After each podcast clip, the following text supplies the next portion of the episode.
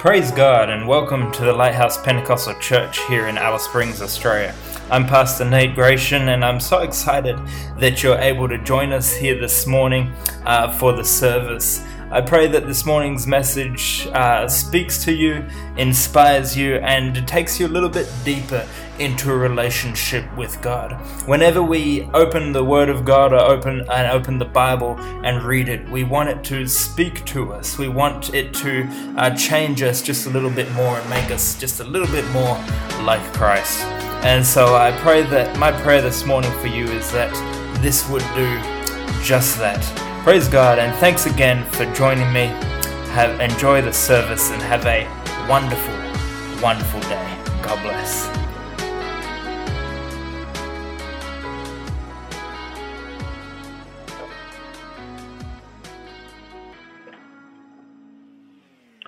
Praise God.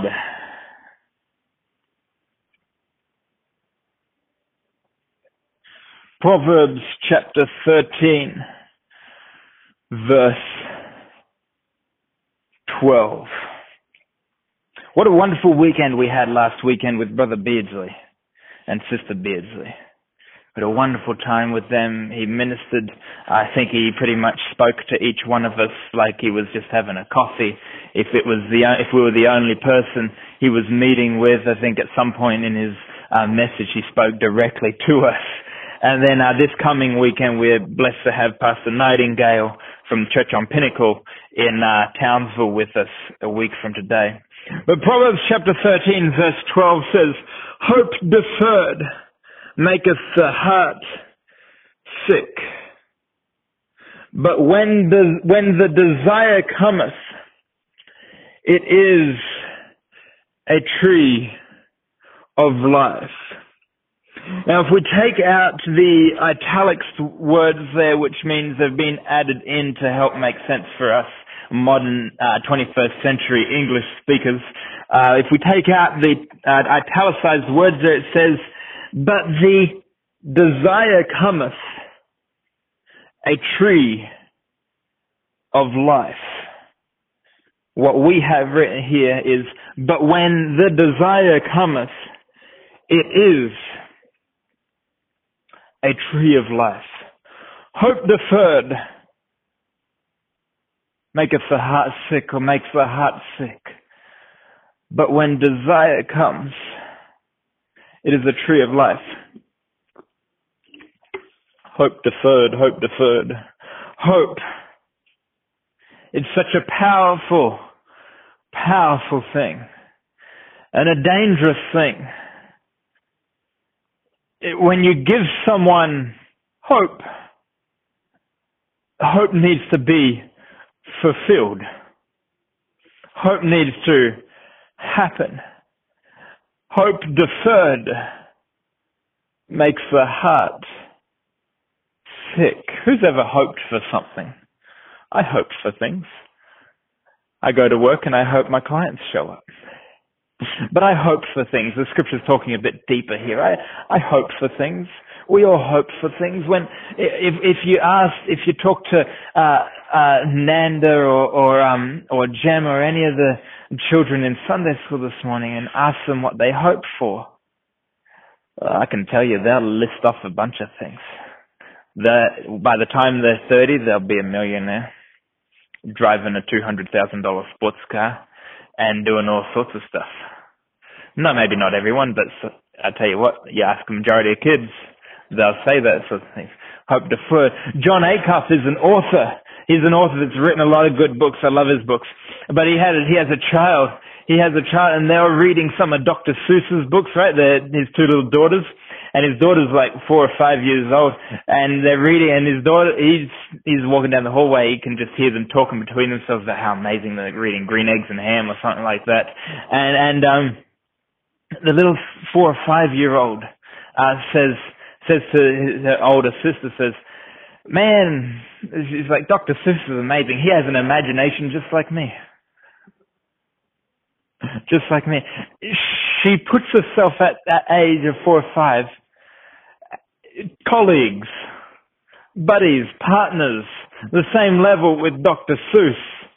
Now you and I, we talk about Dr. Seuss, we're like, man, that guy was something else. C.S. Lewis, he was something else. Uh. Tolkien, he was, he was, he was, you know, we put these, did you ask a five or six year old or you ask a child, uh, yeah, yeah, I understand that. That's, that's what goes on in my brain. yeah. Something happens though. A shift happens. Children have so much hope in their life so much hope and and they want to uh, you know they want to do they want to do this job and they want to they want to do that and they they're going to do this and they're going to do that and there's so much hope in their life and and sometimes somewhere between 15 16 and and 35 40 30 that something happens and there's a little bit of hope not happening the way they thought it would, the, the way they hoped it would turn out. Uh, not happening and it makes the heart sick. The title of my message this morning really is How to Hope Again. How to hope again. Hope is a powerful, such a powerful thing. If you give someone hope of a better life, all of a sudden their whole their whole demeanor, everything will change within. Every things will begin to change. Why? Because they have hope again. Because they have hope again. Deferred. What's deferred mean here? Hope deferred. It's not even saying that hope is gone, even though it is. Hope is saying hope gone. But hope also deferred doesn't mean gone, gone, but gone somewhere else. Who's ever hoped for something and you've seen it go somewhere else?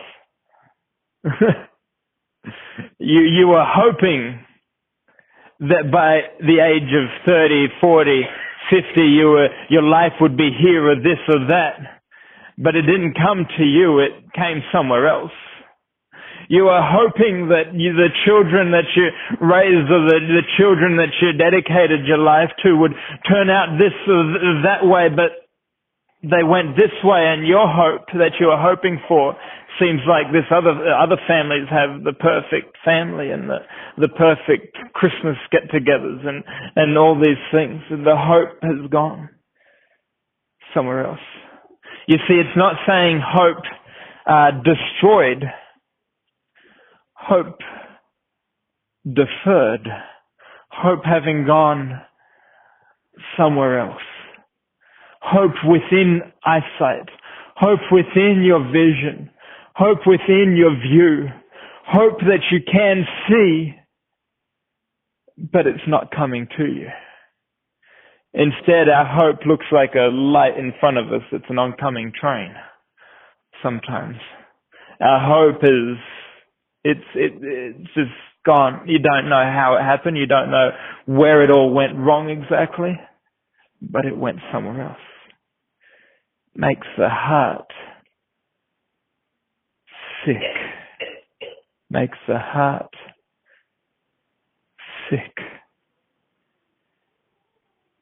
It, you see, when I train people and they come and meet with me and they have the assessment, we're talking my job really when we start out is to just plant seeds of hope in them that hey i just say yes you can yes you can yes you can yes you can yes you can because uh, people don't realize oftentimes what they can do because they've lost so much hope.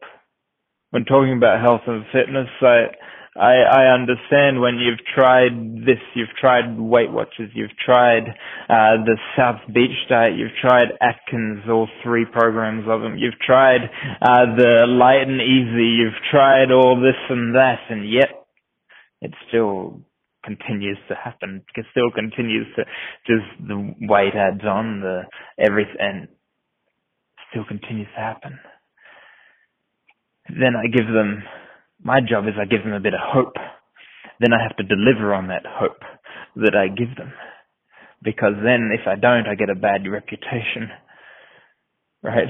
But hope, hope, it's a powerful, powerful thing. Hope deferred. You see, the loss of hope isn't over the process, uh, isn't over one big thing. Hope lost. It's not one big thing. You can't really point to this day, at this time, my life and everything went out the window. The same as when, when, when we're, when, when we end up 120, 130 kilos, we can't really say, well, I had that meal and that did it to me. That was death by a thousand cuts. The process of time. So this is when we look at the original text, at the original writings of the scripture, this makes sense what I'm about to explain to you. Hope deferred makes the heart sick, not sick as we think sickness, as we think of, uh, of sicknesses, I'm sick of for this week or I'm sick for a couple of days, we take some ibuprofen and then we're good. Not like that. But the original text, the wording actually means to be, to be rubbed, to be worn, to be tired, to be worn out, to kind of like a dishcloth after, after using it so much or a sand, sandpaper after using it and smoothing off the wood so much. It becomes worn and, and can't be used anymore makes the heart sick. So much of you know, so much of life you're seeing this happening and that happening. There's a little bit of hope going over here and a little bit of hope going over there. You hope the, this relationship, you hope that relationship, you hope this friend or that friend wouldn't wouldn't do this or do that, but they did, and over the course of time, the heart gets worn. The heart gets worn out rubbed and torn and and battered and and really we can't use it anymore. That's what the scripture is talking about. Hope deferred makes the heart worn out. So much of the rubbing, so much hope of this and that going this way or that way. And that's why we have this term realism. Children don't understand. There's not, there's not one child that's a realist. Okay? Children are idealists. We have these terminologies, these terms. Idealists means everything is going to go perfect and according to plan, right? and and then we have other we have what realists, and there are a lot of adults. There's a lot of adults that we call realists, and uh, and it's just because so much. Maybe what we need to do is spend a bit more time with some children. With some children, God said, "Come unto me, like as a child." Come unto me like little children, because children just ask. They just ask this, that, and the other thing we have realists and idealists and realists, the three rules of business. This is written, this was said by a realist. The three rules of business is it takes twice as long, costs twice as much, and you're not the exception. That's the three rules of business if you're trying to start one. Okay? And so, so that's these opposing things, idealism and realism.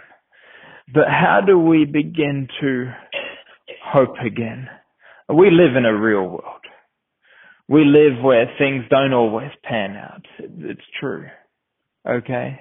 It's true. But let's be a little optimistic versus always pessimistic. Let's hope a little more. Let's, let's be hopeful of how things can turn out, how things can work out. A little more hope can go a long way. And so how do we hope again? The second part of this verse says, when desire comes, but when desire comes, it is a tree of life. The answer is quite simple. we need to desire again. Desire something. Desire is more than just, I want, I would like. Desire is almost a, I need. It's a mixture of want and, and would like, but it's more of, I need this to happen. Desire goes much further than I want and I like or would like. It goes much further than that. But the problem is here is, have you ever seen someone with no hope desire something? It's very rare. It's very rare. Someone who's lost hope usually will make the statement, there's no point desiring that because hope comes from desiring. If we desire something, we usually hope and think we can have it and achieve it. So how does desire come to a person with no hope? How does that happen? How does this go about? How, have, if you've ever been at a stage where you feel like everything is hopeless, think of that stage and it's like, I didn't desire anything at that point. I just wanted everything to end, is what I desired. But desire, let's turn together to Psalms chapter 37.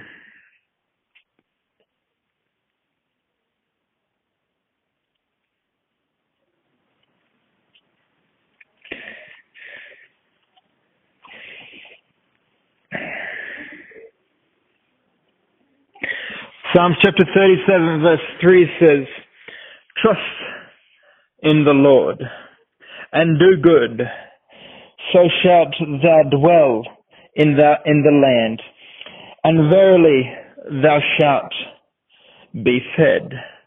Verse 4, Delight thyself also in the Lord, and he shall give thee the desires of thine heart. Brothers and sisters, if you want to hope again, you need to desire again. But if you want to desire again, that's the first step. You need to wrap yourself up so much in God and delight yourself in the Lord. Everything that you do needs to be about God and he will give you the desires of your heart. God's not saying, let's not misinterpret the scripture. God's not saying, I will give you everything you want. No, he's not saying that. But understand there's two sets of desires. There's our humanly desires and then there's God's desires. He will give us His desires. He will give us the desires that He has for our life. But you see, when we, when we are wrapped up in God so much, it's those desires that we want. Maybe the reason sometimes things don't exactly turn out is because it's the wrong set of desires that we have. And we're hoping in the wrong desire. We're hoping in the wrong desire. And so it leads us to a place where we become completely hopeless and therefore desire nothing. So before we can hope again, we must desire again. And in order to desire again, we need to delight ourselves in God and everything that is God. And everything that we do is is about God somehow some way. We work when we go to our work on Monday we work for God. We we do our job for God. We're there we're working and we're walking through the corridors of work and we're doing our thing walking along wondering who God's going to lead us to next in order to maybe shed a little hope into their life, shed a little desire into their life. Because hope is contagious. Hope is contagious. You, you've, you've been around people that are just always positive, the eternal optimist, right? It's contagious. You leave feeling a little bit better. You leave feeling, oh, maybe the world isn't all bad. I love Christmas. One of the reasons I love Christmas is it just seems like everyone's just a little bit happier. Even if it's just a little bit. I walk down the streets and I proclaim to as many people as I can, Merry Christmas. I didn't do it last year, but the year before I normally carry around candy canes with me and just give them out to random people. Okay, I love Christmas. Everyone seems a, a little bit happier. It just seems a little more hope around. Let's turn again in our Bibles to Isaiah chapter 40.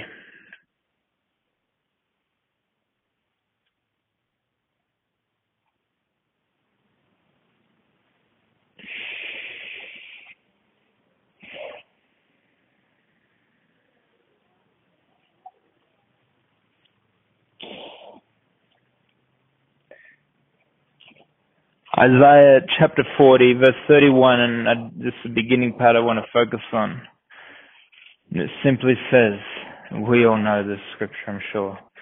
But they that wait upon the Lord shall renew their strength.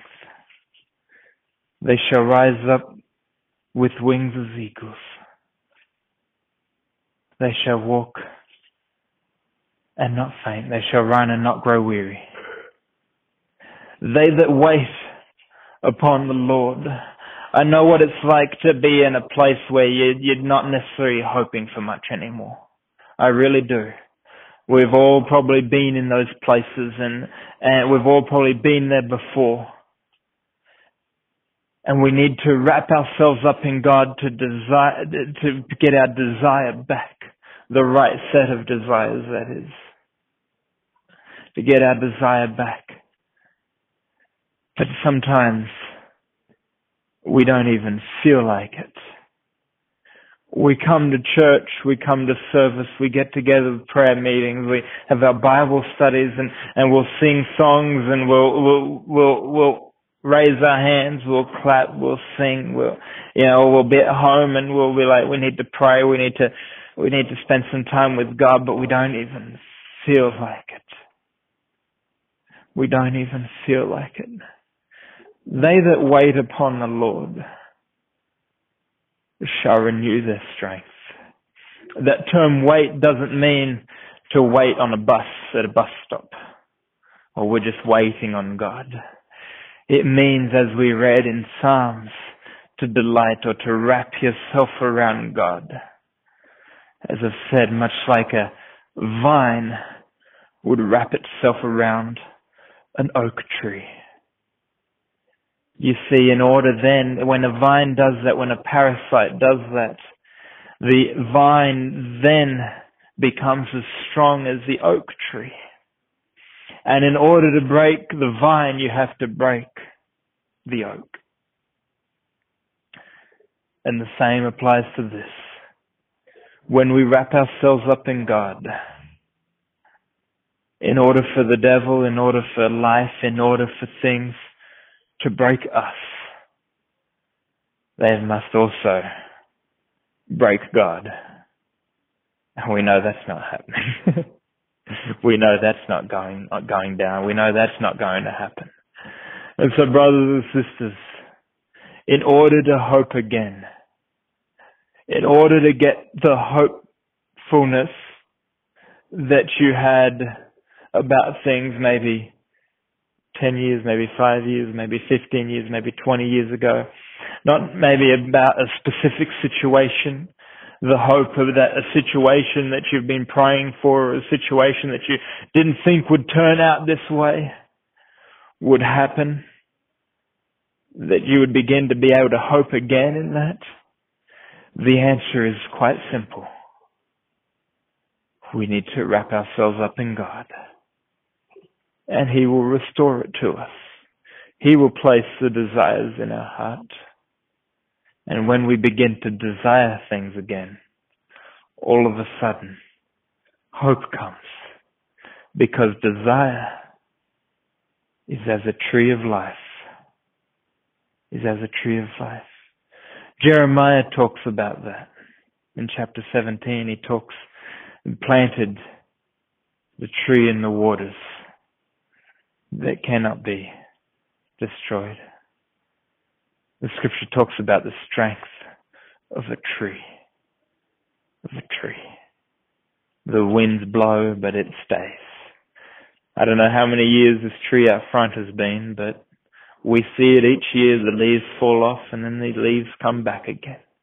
And they fall off and they come back again.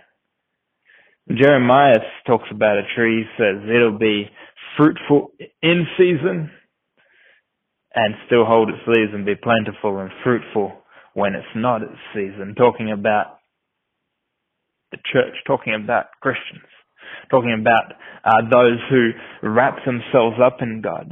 That's what it's talking about if you read chapter 17. Those who delight themselves in God will be fruitful in their season and out of their season.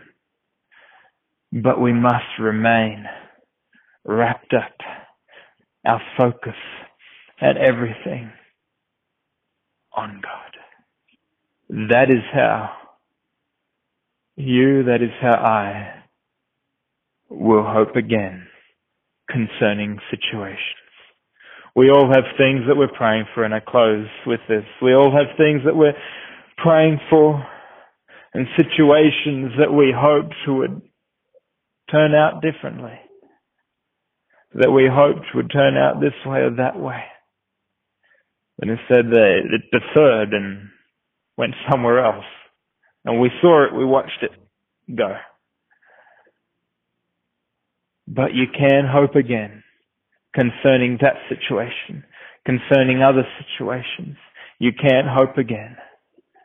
But in order for that to happen, we need to take our hands off the situation put our hands towards God and put ourselves in God's hands and leave that in God's hands because God will do a better job with it than we will. He'll take care of it better than we will. He'll handle it better than we will. And if we can do that, concerning that situation. And when I say that, I know there's a situation that comes to your mind. If we can do that and just leave it in God's hands, it's amazing what will happen. But I will tell you, while you continue to pick it up and while you continue to try and work with it, continue to try and make it work. the hope will continue to be deferred concerning that situation. And you can ask Chelsea and anybody that's known me for a little bit. I like to make things happen. I don't like just leaving my hands off of a situation. Even my clients say I have a finger in every pie existing. And God's been dealing with me about pulling some fingers out of pies. Okay. And so I know what it's like to have a situation and you feel like this is it, this is, this is right, this is how it works and, and we're trying to shove a puzzle piece. We're trying to shove a, a square brick into a circle hole or a star shape into a square. We, we learned as children it doesn't fit. Right? And so let's take our hands off of it and let's give it to God. Let's stand this morning together.